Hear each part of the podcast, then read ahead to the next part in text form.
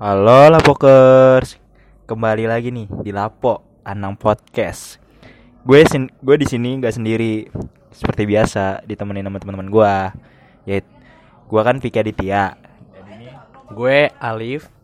Dan gue Gilang. Sekarang lengkap, nggak kayak kemarin episode episode kemarin.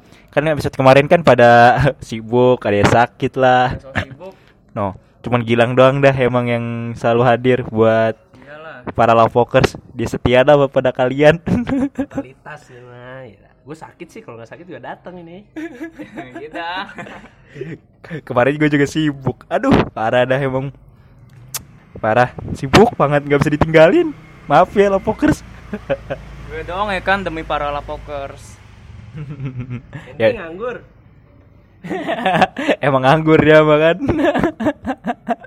Gak sebenarnya dia juga punya kerjaan, tapi masih bisa dihandle sama dia. Masih bisa cabut. Iya. Cabut manajemen waktu coy. Anjay, jadi waktu anjir. Tat kuliah tetap lu buka aja. Telat lu. Enggak lah itu. Telat lah, kelewat. Kelewat sih. ya udah nih. Kita di sini mau ngebahas tentang rekomendasi tempat wisata yang murah nih. Nih. Dan menurut menurut kalian berdua nih, tempat wisata murah meriah di mana aja sih? Apa ada rekomendasi tempat wisata murah meriah? Pause. Gerobak. Wisata murah meriah. Kalau gue sih wisata murah meriah tuh biasanya kayak camping-camping doang nggak naik gunung di daerah Bogor. Jadi lu kalau dari Bogor, mall apa sih yang deket kebun raya tuh? Waduh, nggak tahu gua, anjay. Pokoknya dari jam 2 ke bawah ke arah Empang kanan, jembatan merah belok kiri. Nah di situ tuh lu lurus aja tuh ke arah Jungle Land kalau nggak salah ya. Apa jauh nggak tahu lupa. Pokoknya nama daerah itu Sukamantri. Di situ tuh murah banget karena tiket masuknya cuma goceng. Terus satu goceng tuh satu motor. Nah kalau orangnya tuh, woi rame banget cut. wisata murah meriah. Kalau wisata murah meriah tuh gue ada waktu itu gue camping sama anak-anak kampus gue di daerah Bogor. Nama daerahnya tuh Sukamantri. Di situ tuh murah banget, cuman camping doang sih. Nggak kan kalau naik gunung kan kitanya kudu jalan dulu nih. Kalau itu motor mobil masih bisa deket tenda. Waduh. Gak nikmatin ini dong alam anjing pakai motor. Itu nikmat banget, cuman ya gitu nggak terlalu capek kayak naik gunung. Jadi cuman kayak ya udah naik motor. Terus itu murah banget. Satu tiket motornya tuh buat motor goceng 5000 paling kalau buat orang ya sekitar 2500-an lah itu nama daerahnya Sukamantri nggak nggak jauh dari kebun raya Bogor nah karena nggak jauh dari kebun raya Bogor lo jadi nggak terla nggak usah terlalu banyak bawa makanan gitu karena di sepanjang jalan kan pasti kayak ada Indomaret warung-warung jadi lo bisa beli logistik buat di sana selama lo jalan jadi nggak terlalu berat bawaan dari rumah Oh, nggak kayak ini ya. Kayak di Gunung Pancar kan gak ada maksudnya jauh dari Indomaret ya. nah kalau Gunung Pancar kan jauh banget tuh Sentul ya Ah.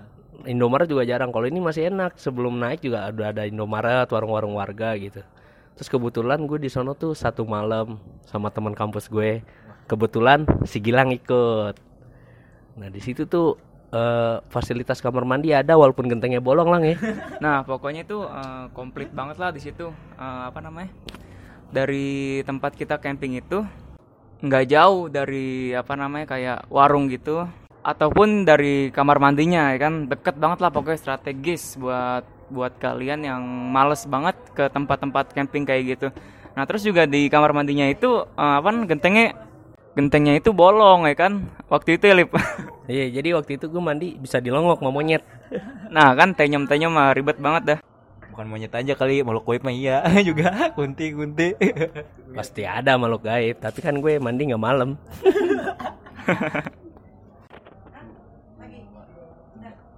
Wah, berarti enak lu juga kalau kamar mandi bolong. Cewek ngin bisa ngintip, ngintip cewek dong anjing dari atap anjay.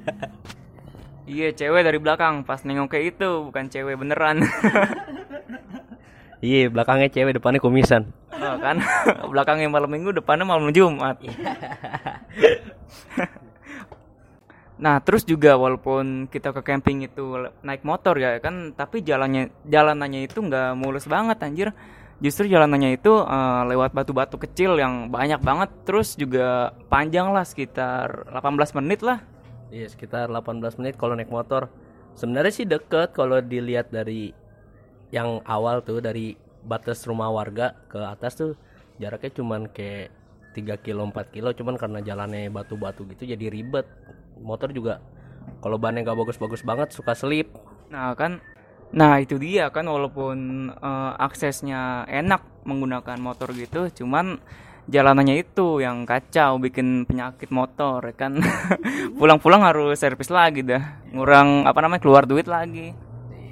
Tapi kan kalau keluar duit kan itu resiko dari perjalanan. Tapi tempat wisatanya tetap murah meriah karena tiketnya juga murah kan.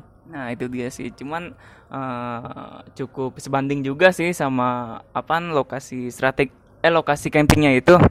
Soalnya dari tanahnya itu apa namanya? eh, datar gitu. Cakep juga sih. Cuman nah terus juga eh, di apa namanya di di lokasi camping itu sampingnya itu ada motor, motor kita, coy. Tempatnya bagus nggak tuh untuk pemandangan? Ntar malah gue datang sono murah meriah, nggak bagus lagi. Kalau dari pemandangannya sih emang kurang ya? Kurang kan? Cuman Tapi ada dua tempat lah kalau emang mau pemandangan bagus yang langsung ke kota Bogor. Kan jadi eh, kita kan jalan dari kampung warga, set di situ kan ada pos tiket. Nah, kalau mau yang bagus tuh lo dari pos tiket langsung ke situ, nggak usah ke atas lagi. Karena kalau ke atas lagi tuh udah ketutup bukit, tapi kalau yang bawah tuh lo pemandangan apalagi kalau malam ya gemerlap lampu-lampu dari kota Bogor tuh kelihatan.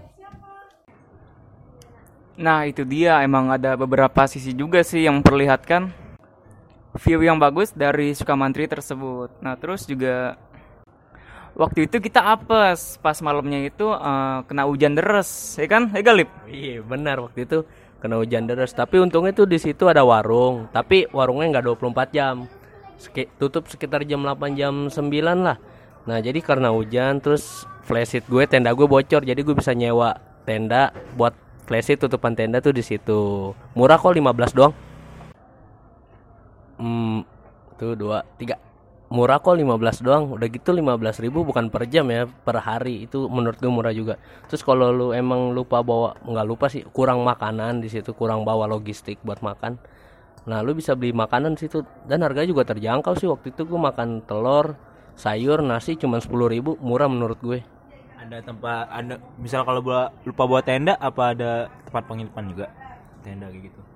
Kalau buat lupa buat tenda, buat tempat penginapan sih nggak ada ya karena itu emang cuman ada pos buat tiket sama warung. Kalau buat penginapan sih nggak ada. Paling mereka biasanya nyediain tenda juga, bukan nyediain sih nyewain.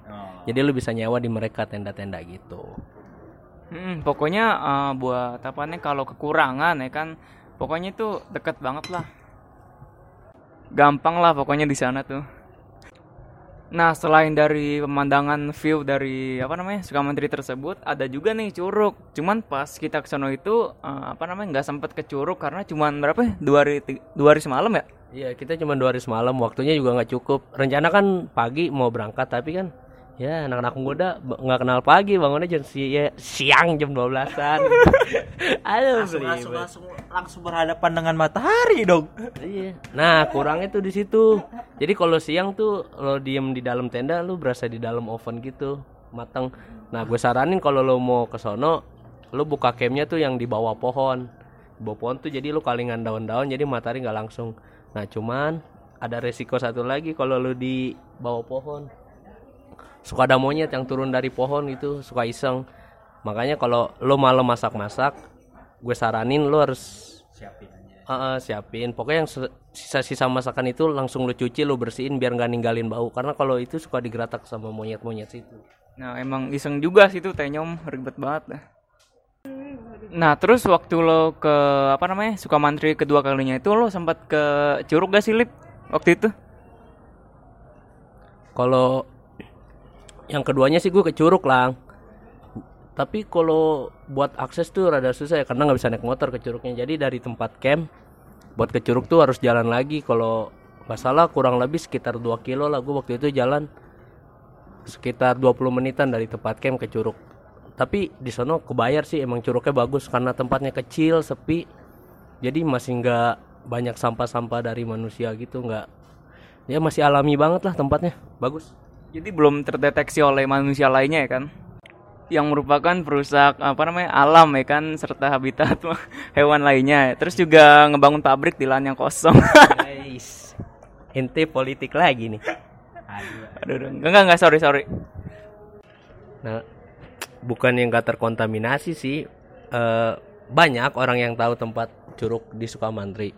Cuman kan kayak jarang peminat gitu karena Sukamantri itu menurut gue biasanya dipakai sama kayak anak-anak pramuka buat latihan, buat camping ceria gitu di sana.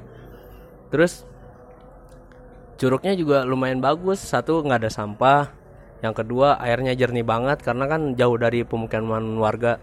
Terus kalau buat teman-teman yang mau ke sono, saran gue ya jangan dikotorin airnya karena kan air dari curug itu kan buat sumber air buat warga yang di bawah juga gitu. Gue mau nanya nih, Le. Itu udah mau ramber ya Instagramable kali ya? Kalau buat kebutuhan Instagram sih itu bagus banget ya. Itu keren banget apalagi kalau lu foto malam belakangnya view gemerlap lampu-lampu kota Bogor tuh I, eh, berasa di Bukit Bintang yang di Jogja padahal mah di Bogor itu. Sama kayak bukit, bukit yang ada di apa sih bukit yang di Bandung juga begitu kan? yang dipakai syuting masih Dilan tuh. Nah itu kan yang bagus-bagusnya nih. Kalau yang kurangnya menurut gue akses buat ke sananya tuh. Pertama jalannya yang masih batu, ya bagus sih mendingan begitu karena alami banget. Tapi rada susah kalau bawa motor, bawa mobil gitu. Nah di situ tuh ada gerbang tuh namanya Kujang Rider. Kalau gue tanya warga sih katanya tempat latihan tentara gi- gitu juga naik ke Gunung Salak lewat situ gitu. Karena emang sebelumnya tuh dulu itu tuh jalur buat ke Gunung Salak tapi karena ada dari tahun berapa gitu udah lama dari STM pembangunan naik lewat situ 12 orang apa 10 orang itu hilang semuanya. Jadi akhirnya jalur pendakian Salak via Sukamantri ditutup. Akhirnya sekarang jadi tempat ngecamp doang gitu. Wah, berarti serem juga dong di situ. Ya lumayan serem sih karena waktu itu gue juga nemuin eh, prasasti gitu kayak bukan batu nisan ya kayak batu buat mengenang anak-anak STM pembangunan itu yang hilang di Gunung Salak via jalur Sukamantri. Nah ini kan bahas kekurangan nih satu akses jalannya, yang kedua tuh monyet-monyetnya itu kan monyet liar ya.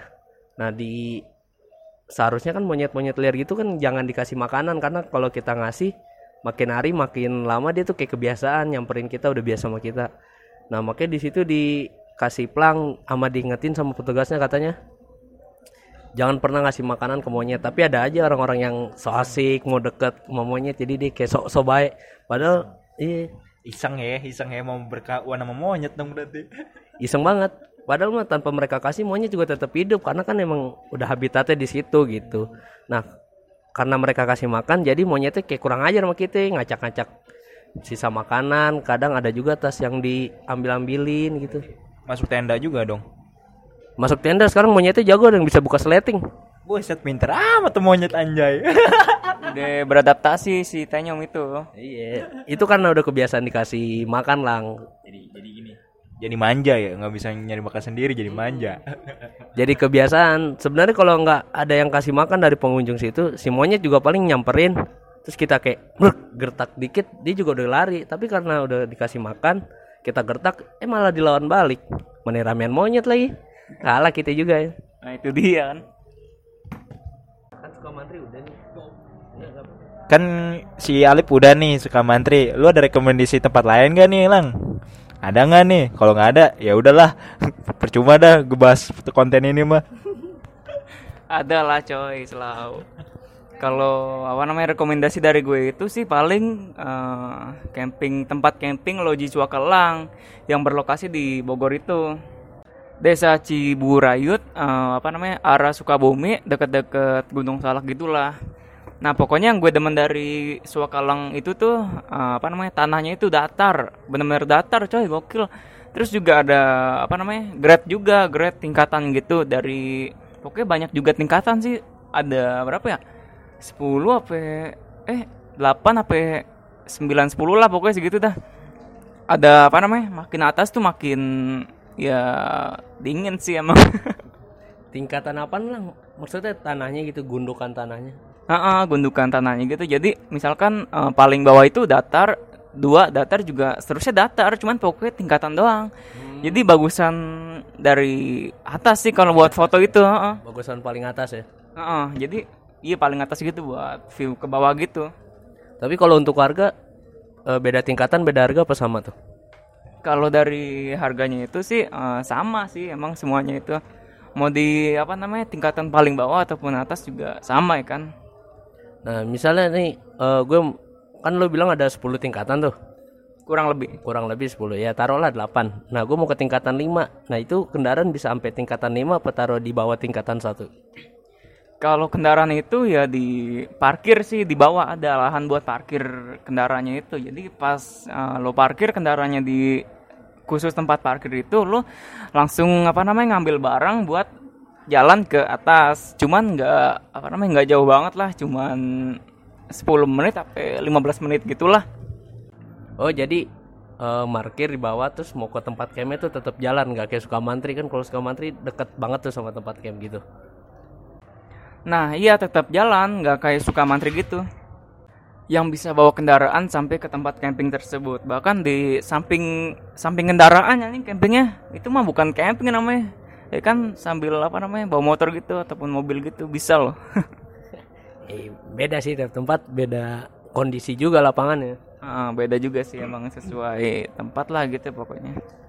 Nah, kalau buat harga tiket berapa lang di Swakalang tuh? Tiket sih kurang lebih berapa ya? Nah, kalau HTM-nya itu per motor dihitung seingat gue sih tujuh puluh ribu lah, ya kan? Bener-bener itu segitu, cuman eh, kita kebayar juga sih sama kualitas tanahnya yang rendah gitu. Eh, yang rendah, yang datar. Landai, landai bukan datar. Bukan bukan rendah, tanah rendah mah, mah Bogor tanah rendah. Di ah, datar pokoknya. Terus juga luas banget sih, ada tingkatan yang seperti tadi gue bilang gitu. Terus juga ada curugnya ya kan, curug. Em, cuman gue nggak nggak rekomendasi banget lah di curug situ, soalnya kan curug situ kecil, Udah, apa namanya kecil gitu. Terus juga lebih banyak batunya daripada kolam-kolam apa air gitulah pokoknya. Kolam ikan rumah. Kolam dikira ikan kolam ikan di rumah. Anjay, ada ikan koi lagi. Ya, ada ikan koi lagi. Ikan salmon mahal salmon. Deh, salmon di Bogor, mencret salmon ya. nah, kan kalau tiket segitu nih lang. Kalau akses jalan ke sana tuh sama gak sama kayak akses jalan buat ke Sukamantri? Apa lebih enak apa gimana? Nah, kalau akses jalan dibanding dengan Gor Sukamantri, eh Gor Sukamantri itu eh, lebih enak ini sih Loji Swakalang, soalnya kan jalannya mulus, ya kayak biasa gitu sih jalan. Kalau dari Sukamantri itu kan kita lewat jalanan batu-batu gitu yang sampai 18 menit. Nah, kalau dari Swakalang itu kita jalan biasa pokoknya. Cuman pas nyampe perkampungan gitu kayak jalanan tanah gitu sih rumput biasa, cuman itu dikit lah, nggak nggak jauh banget. Nggak terlalu ngerusak kendaraan ya. Enggak coy, gokil. Enak pars lah. Lalu tuh ke sana berapa orang lang mas siapa aja? Gue waktu ke Loji Swakalang itu pas sama-sama apa namanya? Eh pas sama teman kosan gue. Nah itu di situ tuh gue angkatan 17 sendiri anjir, yang lain itu 14. Gokil anjir, cuman ya udah kenal gitu, udah deket gitu, enak lah pokoknya. Jadi Ente sombong ya. Ente sombong ya. bukannya sombong. Blago lu tentang-tentang teman sama 14 tuh anjay. Iya bener asli dah. Kalau perlu gue tunjukin nih fotonya. Lo cek aja di IG gue Gilang eh Givi Hasra coy. Givi dan Hasra. Promo anjay. Ya yang mau endorse bisa hubungin gue. Hmm. Oh iya lang. Ah, cut cut the motor. Oh iya lang. Di situ kelebihannya apa aja tuh di Swakalang itu? Kurang. Sama kekurangannya juga lah sekalian aja. Nah kalau kelebihannya itu dari apa namanya kayak tanahnya itu datar bagus banget lah pokoknya itu lu gak perlu mikirin wah nih miring nih di sebelah sini miring nih sebelah sana ada ah cuman di sana ada orang lain jadi nggak bisa ditempatin dah yang pertama itu tanahnya datar terus juga akses jalan ke loji Swakalangnya itu aman lah pokoknya nggak kayak di Sukamantri gitu yang jalanannya itu batu-batu banget ya kan. Terus juga apa namanya? Nah terus juga apa namanya view-nya itu lumayan bagus sih foto dari grade atas gitu. Nah terus lo melihat eh, apa namanya posisi angle-nya itu ke bawah madep bawah gitu. Jadi kayak bagus gitulah. Ataupun sebaliknya juga bagus sih. Ditambah dengan apa namanya eh, pohon pinus yang banyak gitu berlimpah lah pokoknya sama ada di arah curug sih di jembatannya itu bagus lah pokoknya kayak apa namanya panjang gitu bagus lah pokoknya terus lu bisa bikin apa namanya konsep yang sinematik banget buat lo posting di Instagram buat lo yang Instagramable banget lah pokoknya Nah, nah terus kalau curugnya sendiri gimana tuh lang? Bagus gak menurut lo? Menurut gue itu curugnya kurang sih. Soalnya kan pas apa namanya kita jauh-jauh nih kan treknya jauh banget lah pokoknya kayak berapa menitan ya belasan menit lah pokoknya. Terus pas nyampe itu kita cuman dapet capeknya doang sama gemercik air doang ya kan. Terus kayak apa namanya sumber airnya itu kecil lah pokoknya kurang lah pokoknya. Terus lebih banyak ke batu-batunya itu. Berarti bukan curug ya lebih cocok dibilang keran ya? Nah, keran. Malah lebih ini keran sih, cuman lebih bagus itu dikit lah pokoknya. Lebih gede keran tapi bagusan curug gambarnya buat view. nah, iya view-nya gitu lah pokoknya. Nah, itu dia sih kekurangan menurut gue tuh yang pertama di Curug sama apa namanya kayak HTM-nya itu mahal, coy, gokil. Nah, terakhir nih Vicky, menurut lu ada gak sih rekomendasi tempat yang view-nya bagus serta budgetnya itu nggak terlalu tinggi lah. Ada gak sih? Ada. Ya kemarin terakhir kali kan gue sama lu lang ke mana tahu tuh ke Pari kan sama lu berdua. Oh iya yang Pari itu ya. Iya, yang Pari. Itu juga tempatnya lumayan sih Instagramable dan budgetnya murah. Menurut gua ya tempatnya emang bisa diajak kompromi lah low budget yaitu Pulau Pari. Dari Jakarta juga lumayan ini sih gak ngeluarin budget banyak dan paling cuman biaya transportasinya doang. Kalau menurut gue ya transportasinya yang lumayan bisa nguras duit juga dah. Lumayan nguras duit kan tadi gue ngomong. Nah dari yang lumayan nguras itu tuh yang cuma di biaya transportasinya sih. Kayak misalnya kan kalau budget ya lu bawa budget minimal ya 500 300 lah. Itu juga udah lumayan buat nyampe di sono. Sampai tiga hari dua malam kayak mau berapa hari dua malam kayak ke sana. Gua kemarin pas ke Pari, ke Pari itu cuma tiga hari dua malam. Dan di situ juga lumayan puas sih. Kayak lu ngelihat pemandangan dan gue lihat pemandangannya juga lumayan karena kan langsung pantai itu. Langsung pantai dan sunsetnya juga lumayan di sana viewnya juga lumayan lah intinya lumayan semua. Lu juga langsung bisa berenang juga kalau lu lagi gerah lagi apa lo langsung nyemplung nyembur juga bisa lu pada. Viewnya bagus tapi yang gua iniin cuma di perjalanan ini doang sih. Naik kapal kan butuh berapa jam ya nggak berapa jam sih kemarin? Eh, enggak sih cuman apa namanya sejam kurang lebih lah pokoknya gitu. Ya lumayan lah. Lumayan juga kalau untuk transportasi mah. Lama aja lama cu. Nah, lu di sana tuh nyewa villa apa tendaan gitu? kalau gue sih bawa tenda. Kalau gue sih bawa tenda biar lumayan apa sih biar murah lebih murah satu satu nyewa tenda bukan bawa tenda kan gua. Kalau di sana juga ada penempatan te- apa penyewaan tenda juga. Kalau emang lu kurang perlengkapannya apa kurang persiapannya dan lu gak punya tenda bisa ada di sana nyewa tenda. Tapi di sana disewa ini kalau gua buat tenda jadi dihitung satu orang. Satu orangnya itu kalau nggak salah 15.000 ribu untuk nyewa tenda. Penyewaan penyewaan itu buat satu tenda di tanah si- yang kosong itu satu orang 15.000 ribu kan dihitungnya gue kemarin cuman bayar tiga orang jadi kan 45 padahal gue bawa enam orang Terus yang tiga orang lagi ngumpetinnya gimana itu? Nah itu dia temen gue juga kacau sih dia juga nyuruh sebagian apa namanya kita itu masuk lebih dulu biar gak kehitung sama penjaga situ. Iya. Jadi cari tempat dulu dah, sono lu tiga orang sono cari tempat dulu, ketekin tempat di mana pantai yang enak, view yang enak di mana.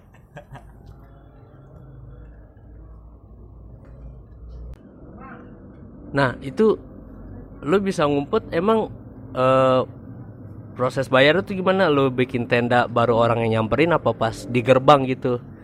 Kenapa lu bisa bayar tiga padahal lu enam orang? Bisa aja lah namanya juga kalah-kalah nih cek. Kawan gua tuh tahu dah. Jadi apa kan nah, itu kan ada posko ya, posko buat bayar tiket tenda penyewaan tempat tenda lah gitu. Buat dirin tenda di situ. Gue disuruh masuk duluan. Udah, nanti lu sebelum ke posko lu masuk dulu ya tiga orang ya cari tempat. Terus gua si Gilang ngikut, ngikut teman gue yang itu kan, yang senior. Nah, gua suruh masuk nyari tempat, wah enak di sini nih ya udah. Terus si gedak si teman gue yang senior. Terus temen yang gue senior itu ya kan tiga tiga orang duluan itu ke posko. Jadi si posko itu juga rame, lagi rame apa kayak pengunjung juga kan. Oh jadi kayak nyelinap nyelinap gitu ya? Iya, ya lumayan lah untung-untungan lah buat ngurangin budget kan. di situ harus pinter-pinter. Nah, terus untuk biaya kapal berapa sih lang? Gue lupa 75 apa berapa sih? Ah kapalnya itu tujuh tujuh lima lah segitu kira-kira. orang. Berapa sih? Berapa? Jadi eh, 75 itu satu orang bang. Eh, iya satu orang. Jadi kan gue ada berapa orang tuh? 75 ada enam orang. Jadi dikali 6 aja. Terus ya itu juga di mana sih? Pelabuhan apa sih namanya? Pelabuhan. Iya Muara Angke di Muara Angke di situ tempat transitnya apa tempat buat ke pelabuhan. Dan dan di situ juga ada batas ininya sih sampai jam 8 doang ya nggak? 8 pagi buat transportasi ke pulau 8 pagi apa 8 malam? 8 paginya lah masa 8 malam. Nggak ada jalan apa namanya kapal malam jalan itu kagak ada. Pagi nah untung itu pas kemarin kita dapat kapalnya pas banget lah pokoknya. Kayak rezeki emang harus ke situ lah ke Pulau Pir- Pari gitu. Paling pagi tuh kapal jam berapa? Jam 4, jam 5. Ya sekitaran jam 4 yang udah ada deh nggak? Ya dari jam 4 lah. Lu bisa lah stay juga sih di situ Terus dari jam 4 itu udah ada kapal Terus berangkat jam 5 Pasti ada tiga kapal apa berapa kapal gitu untuk ke Pulau Pari Nah, di sini gue berangkat jam 8 nih juga gara-gara Gilang yang telat sih anjir. Parah banget emang. Udah diteleponin udah berapa udah pada ngumpul padahal udah jam 6. Eh dianya masih tidur. PA. Iya, rumah paling dekat lagi. Dasar, dasar. nah itu juga gue kayak apa namanya kepikiran wah ini gue pasti bakal apa namanya pas bangun itu kayak ah, anjir udah telat banget ini udah jam 7 lewat 52 apa ya udah sih sekitar dong 752 ketinggalan lo. Itu mah ketinggalan 752 lah. Iya pokoknya jam 8 kurang gitulah. Nah terus pas abis itu gue bangun ngecek HP, wah anjir gue baru inget coy kalau ternyata harus ke pulau. Terus akhirnya juga kawan gue tuh pada nelponin ya kan. Terus ah, apa namanya abis itu gue langsung prepare se SKS gitulah sistem kebut pagi. Bukan jam jam 7.52 kalau 7.52 juga nggak dapat kapal. Setengah jam 7 le- jam 7 pas sudah datang itu anjay. Gue juga pusing. Iya, jam 7 pas berangkat sejam. Memang nggak butuh kereta nggak nggak naik kereta juga. Kan naik kereta juga kami kan sampai sana juga ini. Pas banget. Untung masih ada kapal. Wah kalau nggak ada kapal udah mencak mencak lo sama gue temen-temen lo nah itu dia anjir. Kayak bener-bener ngepas banget lah. Ya kan kayak udah di skenario harus berangkat bareng-bareng gitu. Oh ya, terus pas selama perjalanan kan lu berangkat dari Muara Angke nih. Itu tuh langsung ke Pulau Pari apa transit dulu di Pramuka? dari apa namanya pelabuhan gitu sih langsung ke Pulau Pari sih nggak ada transit transit gitu kayak kereta gitu. Jadi langsung ke Pulau Pari ke tujuan gitu. Gitu kalau Pari. Masalahnya waktu itu ke kalau ke Semakdown tuh harus transit Pramuka jadi. Iya soalnya kalau ke Semakdown tuh lu nggak bisa langsung ke pulaunya itu. Jadi lu dari Muara Angke ke Pramuka dari Pramuka baru ke Pulau Semakdown transit karena Semakdown tuh jauh banget jadi eh, harga bayar dari awal tetap gue waktu itu kena sekitar 90 lah jadi dari Muara Angke ke Pramuka Pramuka ke Pulau Pari nah dari Pramuka ke Pari itu udah nggak bayar lagi karena udah dibayar di awal gitu jalan ke Semakdown tuh lama banget ya. Kalau lu kan cuman kayak sejam doang ya. Kok- Iya kurang lebih lah segitu. Nah kalau ini gue bisa nyampe 2 jam 3 jam. Sebenarnya dari Pramuka ke eh dari Pramuka dari Muara Angke ke Pramuka mah cuman makan waktu sekitar 45 menit. Nah yang lama itu dari Pramuka ke Semak Daunnya karena di ujung banget. Pulau Seribu yang paling ujung lah paling utara. Oh iya sih pantas juga soalnya kan Smackdown itu ya pulau paling ujung gitu dari Kepulauan Seribu ya, ya kan? Iya benar. Di situ tuh termasuk murah sih Smackdown. Pertama jarang orang yang tahu. Kedua harga tiket juga masih terjangkau loh. Satu orang sekitar 15.000 ribu. Lo berapa sama? Nah itu lo 15.000 ribu itu udah apa namanya udah berapa lama dah? Lo jalannya pas tahun berapa? ya? 15.000 ribu sekitar 2016. Nah kan udah lumayan juga lama coy. Tapi wah, maksudnya lu bener-bener nuansa alam pulau alaminya tuh dapat banget karena jarang banget terjamah sama orang-orang. Paling ada warga ya nelayan kayak bikin apa sih kotakan keramba ikan. Jadi dia pagi datang ngasih makan, sore pulang. Malamnya ya tetap kita kita doang yang liburan ke sana. Ya, berarti masih alami banget ya. Kalau Pulau Pari kan emang udah kayak tempat wisata banget emang. Tapi ya lumayan sih untuk kalau untuk logistik ya. Kalau mau makan juga di situ udah ada persiapannya ya nggak. Tapi kalau kalau kalau buat dari bawaan dari rumah juga nggak apa-apa. Kalau mau makan di situ juga lum- lumayan murah juga sih. Standar lah untuk tempat-tempat wisata. 10.000 juga dapat mie, nasi goreng dapat 13.000. Pokoknya gitu deh. Lu bisa bakar ikan juga sih di situ. Enak-enak lah. Kalau dari segi semuanya ya ya yang pertama kalau dari segi apa sih keuntungannya ya ya view-nya indah. Instagram Instagramable banget. Dan itu juga gue dapat foto sunset juga sih. Video juga lumayan indah dari segi perjalanannya. Wuh, pokoknya biru dan pasirnya pasir putih juga. Nah kalau dari videonya itu bisa diringkas sih sebelumnya Eh, soalnya kan udah gua upload di YouTube namanya itu Givi Hasra lo cek lagi dah pokoknya ada dah pokoknya promo lagi. Promo terus.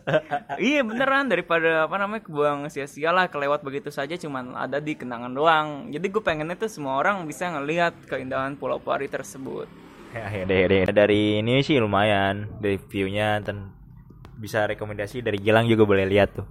Lumayan buat dapet duit juga guanya. Betul betul. Terus dari segi konsumsi lu bisa bawa dari logistik ke rumah. Terus bisa makan di sana juga lumayan terjangkau lah. Ya kan? Terus dari gua sih harga tiketnya gua udah kemarin itu bener-bener murah. 15.000 ribu per tenda itu udah per orang itu udah lumayan lah. Murah banget dah itu. Murah dah murah. Nggak kayak di Smackdown kan berapa tuh? 15.000 ribu. Tahun kapan? Emang sih emang kekurangannya ada lagi. Ya dari segi transport ya 75 lumayan termasuk mahal sih buat transport. Tapi dari segi keamanan ya kurang juga sih. Kalau cuman buat pelamp ada pelampung ada pelampung doang. Pelampung pasti udah tersedia tapi kalau emang lagi ini ya nggak bisa gak ada skoci emang kapalnya kecil. Jadi kayak kapal-kapal kayu nelayan gitu ya bang? kagak lebih gede lagi. Lumayan lah. Bisa ngangkut berapa orang? 100 orang apa 70 orang juga yang ngangkut ya lang Eh, kapal nelayan kapal nelayannya lebih besar gitu lah pokoknya. Ya pokoknya gede dah.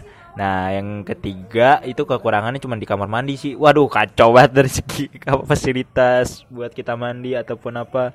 Masih kurang terurus kalau di Pari emang sih terurus tapi ya kurang banget dah dari seginya jadi kalau lingkungannya itu di dalam kamar mandi sama di luar kamar mandi rada kotor kurang lah Oh, iya, terus eh, kalau buat air tawar ini kan di sana air laut nih. Kalau lu dapat air juga paling kan payau dari kamar mandi. Kalau buat air tawar gimana? Ada yang jual apa lu nyediain dari awal? Kalau air tawar cuman aqua doang sih kalau gitu mah. Aqua ya kalau dari air sono kan pasti rata-rata air payau, tapi ada sih air tawar yang paling dijual cuman aqua ataupun apa. Kurang kalau gua lihat kalau gue lihat ya kekurangan air bersih juga sih daerah-daerah sono. Memang udah banyak permukiman sih di di Pari juga ada apa sih maksudnya? Ada dua pantai kan.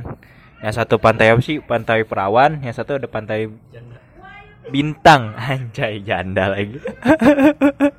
Oke gitu dah. itu yang pantai bintang itu buat emang buat spot foto juga sih. Banyak karena ada banyak biota laut di situ. Biota laut kayak bintang apa sih? Bintang laut ya. Kepiting lah banyak. Kalau yang untuk di pantai perawan itu cuman buat tempat kemahnya doang. Itu. Keuntungan apa keuntungannya. Dan kalau kekurangan itu sih menurut gua.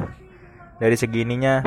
Dan semua apa sih kamar mandinya itu kotor dan kurang terawat ya ya lang ya Em, sebenarnya ada dua juga sih kamar mandinya kan. Yang satu itu emang kurang terawat gitu. Terus satu lagi ada di apa namanya di sebelah musola. Eh kan itu lumayan bagus sih. Nyaman juga kamar mandinya bersih gitu. Terus juga apa namanya lumayan ada beberapa pintu juga sih. Bersih juga lah pokoknya. Oh, apalagi mau ada yang bahas lagi nggak? Ya menurut gue sih gitu, bagus dah buat apa murah meriah juga kalau untuk liburan-liburan untuk dari kota ke ini pantai lah. Wah bagus dah pokoknya, view-nya juga lumayan. Bagus. Buat Instagramable banget dah. Eh, itu juga bisa tempat buat pelarian sih ya kan di saat keramaian Jakarta ya kan. Apalagi macet banget aduh polusi kan. Terus juga panas dari pancaran gedung-gedung kaca gitu. Pokoknya the best banget lah kalau menurut gue itu Pulau Pari. Gokil. Hmm, jadi kelebihannya tuh view yang bagus sama ini apa pantainya yang masih bersih. Terus kekurangannya cuma di kamar mandi sama di transportasi ya. Ya iya itu kekurangannya bagi gua. 300 ribu juga udah lumayan bisa sono. apalagi apalagi sendiri lu. Wah. Puas lebih suara lagi, tapi ya sendiri juga kayak ke- kesannya lu jomblo banget, bawa pasangan lah, apa kek, bawa temen kek. Jangan sendiri juga lah mending kalau sana dapat kalau enggak iya sih. dapat kenalan ya maksudnya ya udah deh. Udahlah sampai di sini aja kali ya. Iya. Podcastnya untuk apa sih? Episode kali ini. Episode kali ini dah. Ada yang mau nutup? Hmm, Gak apa-apa.